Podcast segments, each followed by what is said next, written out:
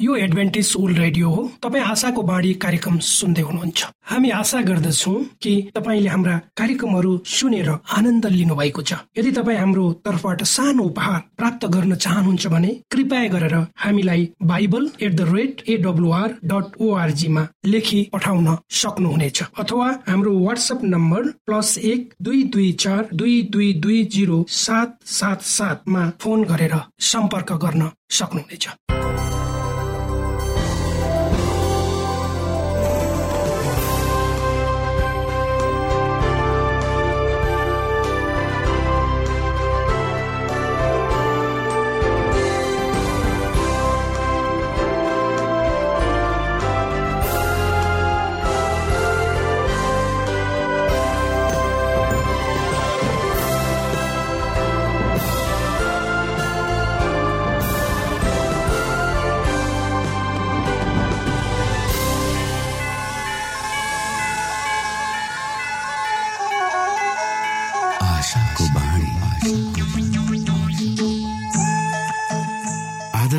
श्रोता नमस्कार। यो समय तपाईँ एडभेन्टिस्ट ओल्ड रेडियोको प्रस्तुति भोइस अफ होप आशाको बाणी कार्यक्रम सुन्दै हुनुहुन्छ। कार्यक्रम प्रस्तुता म रवि यो समय तपाईँको साथमा छु। मानिस जातिमा देखाइएको परमेश्वरको प्रेम र अनुग्रह तपाईँसँग बाँड्ने उद्देश्यले प्रस्तुत कार्यक्रम तपाईँको आफ्नो प्रिय कार्यक्रम आशाको बाणीमा यहाँलाई हामी न्यानो स्वागत गर्दछौ। आशाको बाणीको आजको प्रस्तुतिबाट पनि तपाईँले परमेश्वरसँग नजिक रहेको अनुभूति गर्नुहुनेछ भनेर हामी आशा राख्दछौ। आउनु श्रोता यो मधुर भजनसँगै हामी हाम्रो मुख्य कार्यक्रमतर्फ लागौं।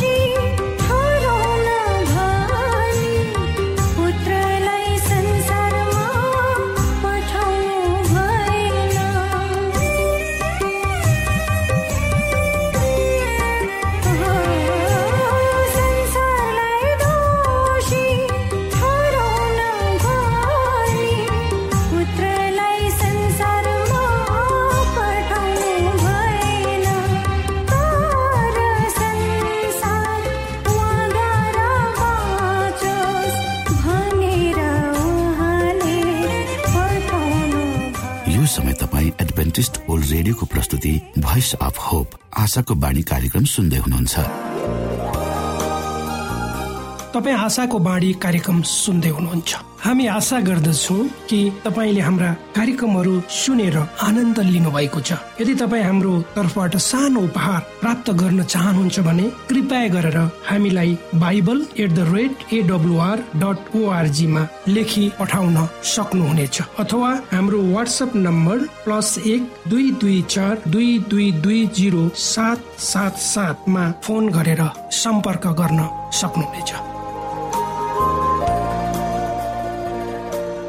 श्रोता मित्र यो समय हामी पास्टर उमेश पोखरेलबाट आजको बाइबल सन्देश सुन्नेछौ। श्रोत साथी न्यानो अभिवादन साथमा तपाईँको आफ्नै आफन्त अर्थात् पास्टर उमेश पोखरेल। परमेश्वरको वचन लिएर यो रेडियो कार्यक्रम मार्फत तपाईँहरूको घर आँगनमा पुनः उपस्थित भएको छु। मलाई आशा छ तपाईँले हाम्रा कार्यक्रमहरूलाई नियमित रूपमा सुन्ने गर्नुहुन्छ र परमेश्वरका आशिषहरू प्राप्त गर्दै हुनुहुन्छ। श्रोत साथी आजको प्रस्तुतिलाई पस्कनुभन्दा पहिले आउनुहोस् हामी परमेश्वरमा अगुवाईको लागि बिन्ती राख्नेछौँ।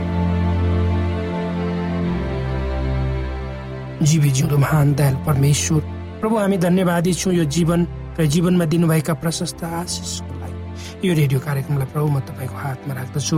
यसलाई तपाईँको राज्य र महिमाको प्रचारको खातिर यो देश र सारा संसारमा पुर्याउनुहोस् ताकि धेरै मानिसहरूले तपाईँको ज्योतिलाई यो कार्यक्रमद्वारा देख्न सकुन्। सबै बिन्ती प्रभु यीशुको नाममा। आमेन।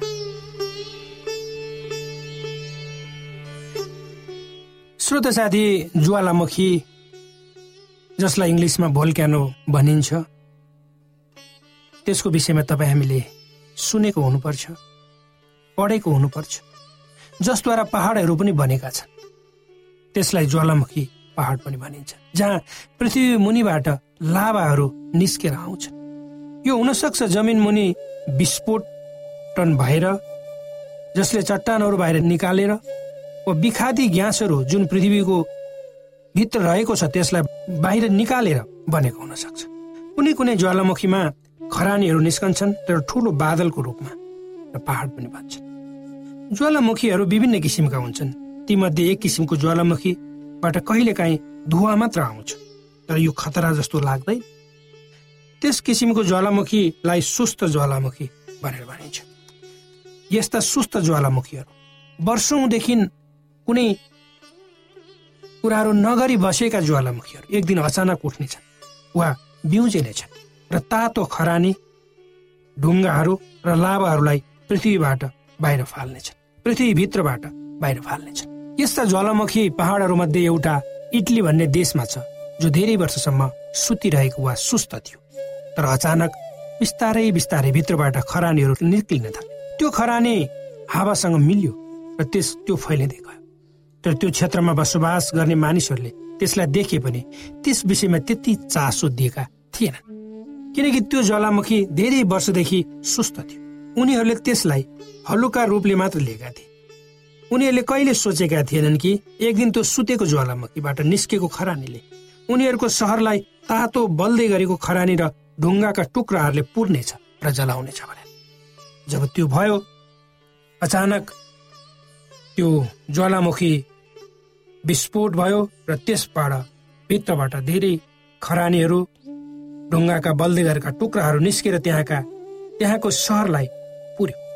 त्यहाँका बासिन्दाहरूले आफ्नो जीवन रक्षाको निम्ति प्रयत्न गरे प्रयास गरे यताउता दौडे गुहार मागे तर बच्न सकेन किनकि जति बेला उनीहरूको चेतना खुल्यो त्यति बेला अबेर भइसकेको थियो श्रोता।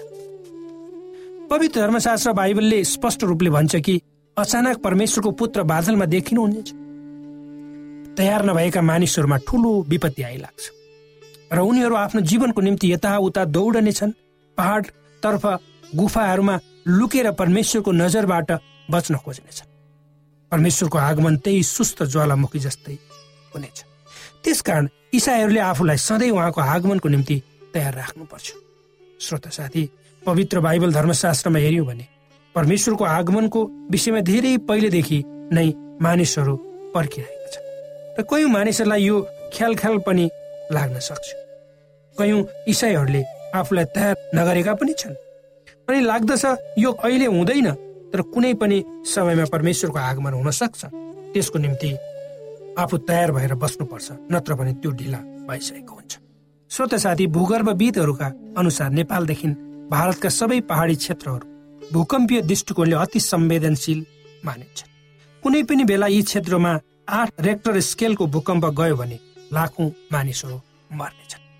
काठमाडौँ उपत्यकालाई भूकम्पीय दृष्टिकोणले अति जोखिमयुक्त स्थान भनिन्छ जहाँ ठुल्ठुला घरहरू बनाउनु आफ्नै मृत्यु निम्ताउनु नै हो। काठमाडौँ उपत्यका भित्रका घरहरू भूकम्पीय दृष्टिकोणले खतरामा छन् र नेपाल सरकार र अन्य दात्री निकायहरूले पनि टेलिभिजन रेडियो खबर पत्रिकाहरू मार्फत भूकम्पीय सुरक्षाको विषयमा चेतना जगाउने काम गइरहेको हामी देख्दछौँ। भूकम्प जानुभन्दा पहिले तयारीका विषयमा पनि हामीलाई जानकारी गराइँदैछ। के के कुरा हामीले तयारीमा राख्नुपर्छ? यदि भूकम्प गइहाल्यो भने तर यस्ता जनचेतनाका अभियानहरूमा हामीले कति चासो दिएका छौँ त? कि यस्तै हो यो हाम्रो निम्ति होइन भन्ने विचारमा छौँ त? तर जब यो आउँछ हामीले नसोचेको र नसम्झेको बेलामा आउँछ। त्यति बेलाको विपत्तिको बारेमा कल्पना पनि गर्न सकिन्न। आज आजलाई छँदैछ किन तयारी हुने? यो हामी सबैको सोचाइ हुन सक्छ तर समयमा नै तयार भएर बस्यो भने त्यसले हामीलाई बचाउँछ। हो श्रोत साथी परमेश्वरले हामीलाई भन्नुभएको छ म छिट्टै आउँछु तिमीहरूलाई लिन आउँछु। उहाँ कुनै बेला आउनु हुनेछ त्यसको निम्ति हामी सम्पूर्ण रूपले तयार हुनुपर्छ। परमेश्वरले धेरै चिन्हहरूद्वारा आफ्नो आगमनको बारेमा हामीलाई भनिरहनु भएको छ। अर्थात् संसारका घटनाक्रमहरूलाई हेर्ने हो भने उहाँको आगमन ढोकैमै छ। भन्दा पनि कुनै अर्को अर्थ लाग्दैन। कुनै पनि समय उहाँ आउनुहुनेछ। त्यसकारण उहाँ चाहनुहुन्छ हामी त्यसको निम्ति तयार रहनुपर्छ किनकि उहाँ चाहनुहुन्छ हामी कोही नाश हुनु हुँदैन यदि भएन भने त्यसको नतिजा भयानक हुनेछ जुन हाम्रो कल्पना बाहिरको हुन्छ। एउटा अनुसन्धानले भनेको छ कि एक बिलियन मानिसहरू यो संसारमा। यो संसारको जनसङ्ख्याको बिस प्रतिशत मानिसहरू अहिले पनि ज्वालामुखी हुने संवेदनशील स्थानमा बसोबास गरिरहेका छन्। तर उनीहरूलाई बारम्बार चेतावनी दिएको छ त्यहाँ नबस भनेर तर पनि बसिरहेका छन्। यसै सन्दर्भमा पवित्र धर्मशास्त्र बाइबलको मत्ती भन्ने पुस्तकको चौबिस अध्यायको पैँतालिसदेखि एकाउन्न पदहरूमा यसरी लेखिएको छ। हामी विश्वासी र बुद्धिमान नोकर को को हो जसलाई त्यसको मालिकले आफ्नो परिवारका चाकरहरूलाई ठिक ठिक समयमा खाना दियोस् पनि खटाउनु खटाएको हुन्छ।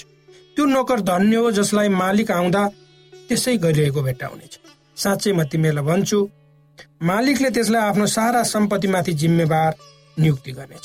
तर यदि त्यस दुष्ट नोकरले मेरा मालिक बिहालो गर्छन् भनी मनमा ठानी आफूसँगै काम गर्ने नोकरहरूलाई पिट्न र मतवालाहरूसँग खान र पिउन लाग्यो भने त्यस नोकरको मालिक त्यसले नचिताएको दिन र नजानेको घडीमा आइपुग्नेछ अनि मालिकले त्यसलाई कठोर दण्ड दिनेछ र त्यसलाई पाखण्डीहरूका माझ फालिदिनेछ जहाँ मानिसहरू हुनेछन् र दारा किट्नेछन् यी पदहरूमा भनिएको नोकर इटलीका इटलीको त सहर छ जुन ज्वालामुखीद्वारा नाश भयो त्यही सहरका बासिन्दा जस्तै छ।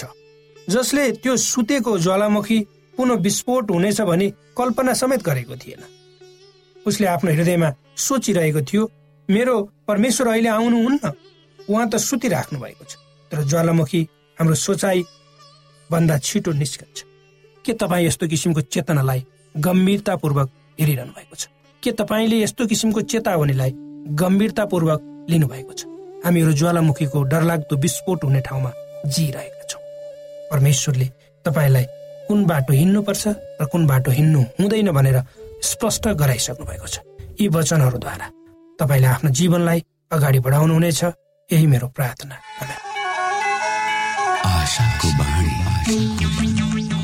श्रोता भर्खरै यहाँले पास्टर उमेश पोखरेलबाट बाइबल वचन सुन्नुभयो। यो समय तपाईँ एडभेन्टिस्ट ओल्ड रेडियोको प्रस्तुति भोइस अफ होप आशाको बाणी कार्यक्रम सुन्दै हुनुहुन्छ। कार्यक्रम सुनेर बस्नुहुने सबै श्रोतालाई हामी हाम्रो कार्यक्रममा स्वागत गर्न चाहन्छौ।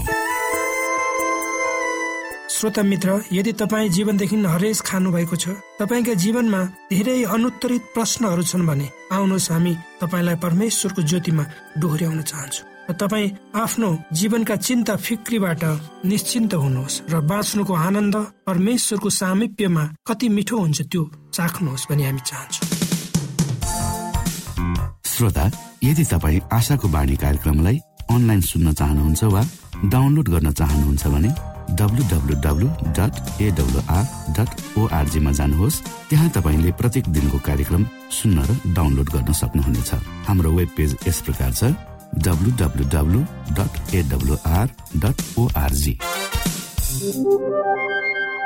श्रोता यदि तपाईँ हामीसित सिधै फोनमा सम्पर्क गर्न चाहनुहुन्छ भने हाम्रा नम्बरहरू यस प्रकार छन्। अन्ठानब्बे एकसाठी पचपन्न शून्य एक सय बिस। अन्ठानब्बे एकसाठी पचपन्न शून्य एक सय बिस। र अर्को अन्ठानब्बे अठार त्रिपन्न पन्चानब्बे पचपन्न। अन्ठानब्बे अठार त्रिपन्न पन्चानब्बे पचपन्न।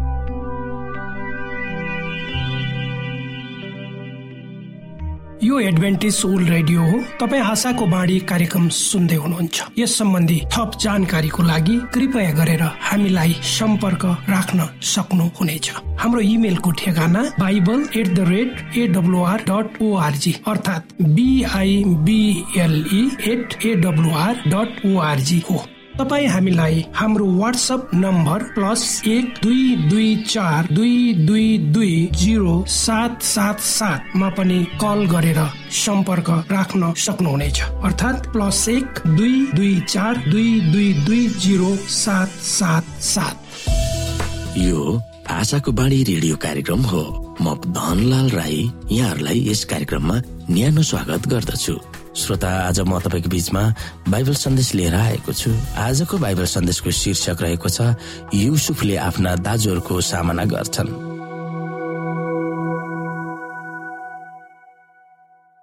श्रोता साथी युसुफका दाजुहरूले उनलाई मार्न खोजेका थिए र अन्तमा उनलाई बेचेका थिए।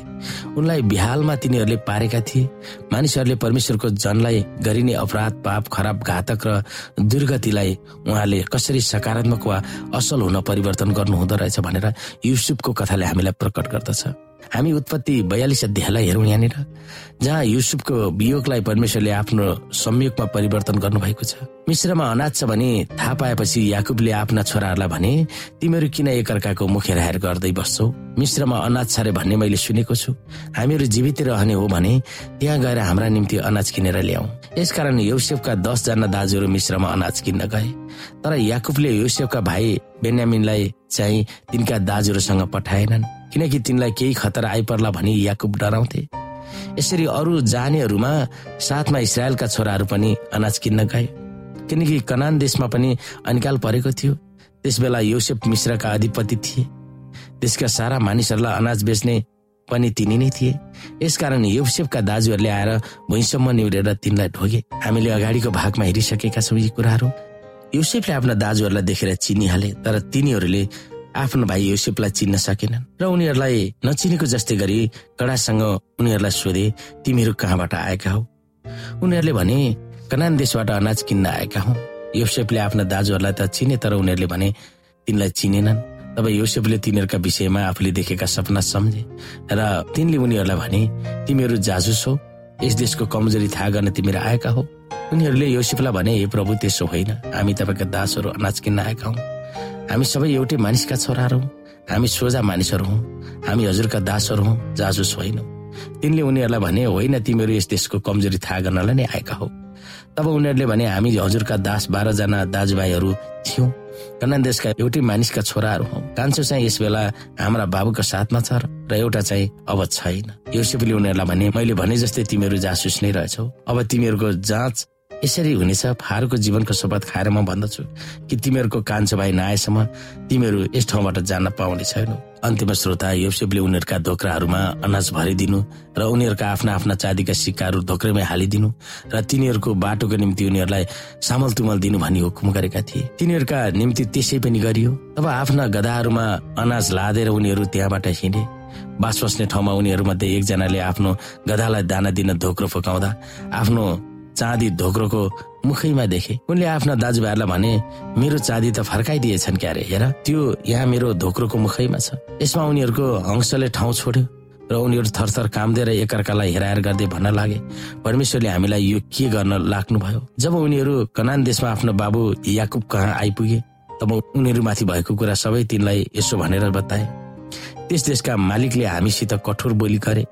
हामीलाई त तिनले त्यस देशमा जासुस जस्तै तुलाए। तर हामी सोझा मानिस हौ हामी जाजुस होइनौ। हाम्रा बाबुका हामी बाह्रजना छोराहरू हौ।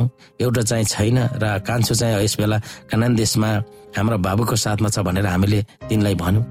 त्यस देशका ती मालिकले हामीलाई भने यस कुराबाट मात्र तिमीहरू सोझा मानिस रहेछौ भन्ने मलाई थाहा हुनेछ। कि तिमीहरूका दाजुभाइ मध्ये एकजना यहाँ मसँग छोड र अनिकालमा तिमीहरूका परिवारको भोग मानलाई अनाज लिएर आफ्नो बाटो लाग्यो। तर तिमीहरूको कान्छो भाइलाई यहाँ मखा ल्याऊ तब मात्र तिमीहरू जासुस होइनौ तर सिधा मानिस रहेछौ भन्ने मलाई थाहा हुनेछ।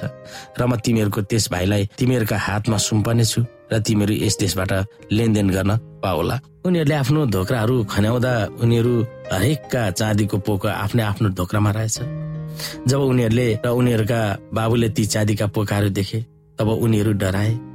उनीहरूका बाबु याकुबले उनीहरूलाई भने तिमीहरूले त मेरा छोराहरू मबाट खोसेर मलाई अति सोखित ल्याएका थियो।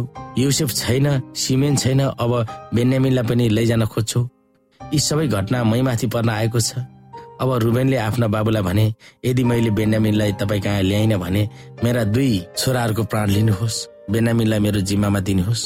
त्यसलाई म तपाईँ कहाँ फर्काएर ल्याउनेछु तर याकुबले भने मेरो छोरो तिमीहरूसँग जाने छैन किनकि त्यसको दाजु मरिहाल्यो। र अब यही मात्र बाँकी छ। यदि तिमीहरूले गर्न लागेको यात्रामा त्यसमाथि केही खतरा पर्न आयो भने तिमीहरूले मलाई यो फुलेको कपाल अफसोसमै चियानमा पुर्याउने छौ। अनिकालले गर्दा आफ्ना छोराहरूलाई अनाज किन्न मिश्र देशमा पठाउन याकुब बाध्य भएका थिए। भोकै भए पनि उनका छोराहरूले मिश्र देशमा जाने कुरा उठाएनन् तर याकुबले नै कुरा उठाए। आफ्नो काबु भन्दा बाहिरको परिस्थितिमा होमिन पुगेको बिचरा वयोवृद्ध याकुबले नजानेरै मिश्र देशमा आफ्ना छोराहरूलाई पठाउने प्रस्ताव राख्छन्। त्यस प्रस्तावले श्रृङ्खलाबद्ध रूपमा अचम्मको घटनातिर अग्रसर गराउँछ। जसको अन्त्य वर्षौसम्म बिछोड भएको छोराको निम्ति शोकग्रस्त भइरहेको याकुबको युसुफसँगको पुनर्मिलनले उनलाई अत्यानन्द प्राप्त हुन्छ। परमेश्वरको कृपा मुनि घटेको युसुफ र उनका दाजुहरूको भेटघाटमा दुई मौलिक विषयवस्तुहरू उल्लेखनीय रूपमा प्रस्तुत गरिएको छ। पहिलो त युसुफको सपना पूरा भएको देखाएको छ। उनले देखेको भविष्यवाणी भएको सपना थियो। तिम्रो बालाहरूले तिम्रा बाललाई ढोगेका थियो। अब त्यो प्रत्यक्ष रूपमा पूरा भएको थियो जब उनका दाजुहरूले उनलाई ढोगे।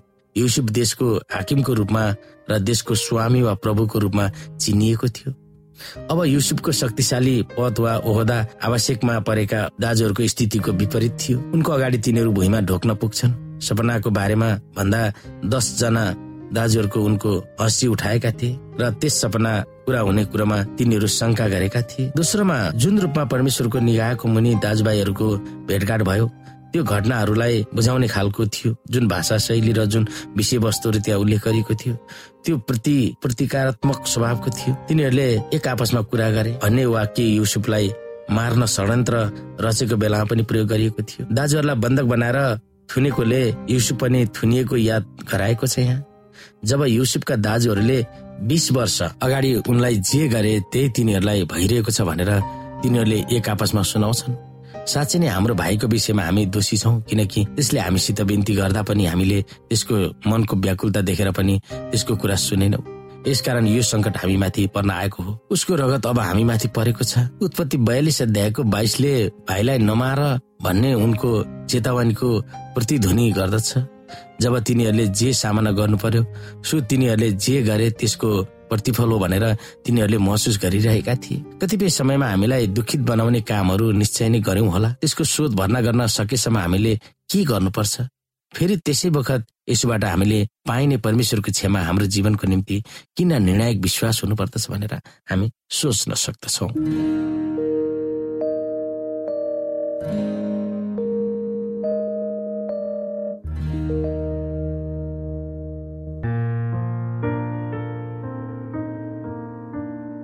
आदरणीय मित्र बाइबलले बताएको छ परमेश्वरले तिर्खाकाहरूलाई तृप्त पार्नुहुन्छ र भोकालाई उत्तम पदार्थले सन्तुष्ट पार्नुहुन्छ।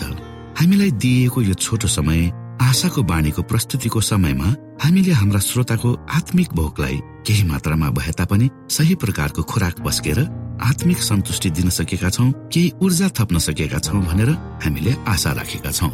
आफ्ना मनमा भएका केही दुविधा र शङ्काहरू छन् भने अवश्य हामीसँग बाँडेर शङ्काको निवारण गर्नुहुनेछ र सही प्रकारको बाटो पहिलाउन सक्नुहुनेछ। परमेश्वरको सच्चाइले अझ राम्रो बुझ्न सक्नुहुनेछ र आफ्नो जीवनलाई परमेश्वरमा पूर्ण समर्पित भएर समर्पण सहितको जीवन बिताउन सक्नुहुनेछ भनेर आशा राख्दै अब हामी हाम्रो कार्यक्रम सकिएको जानकारी यहाँलाई गराउन चाहन्छौ। जानुभन्दा अगाडि श्रोता हामी यहाँलाई हाम्रो ठेगानाको विषयमा जानकारी गरौँ। हामीसँग पत्राचार गर्ने हाम्रो ठेगाना यस प्रकार छ। आशाको बाणी पोस्ट बक्स नम्बर दुई शून्य शून्य शून्य दुई काठमाडौँ नेपाल।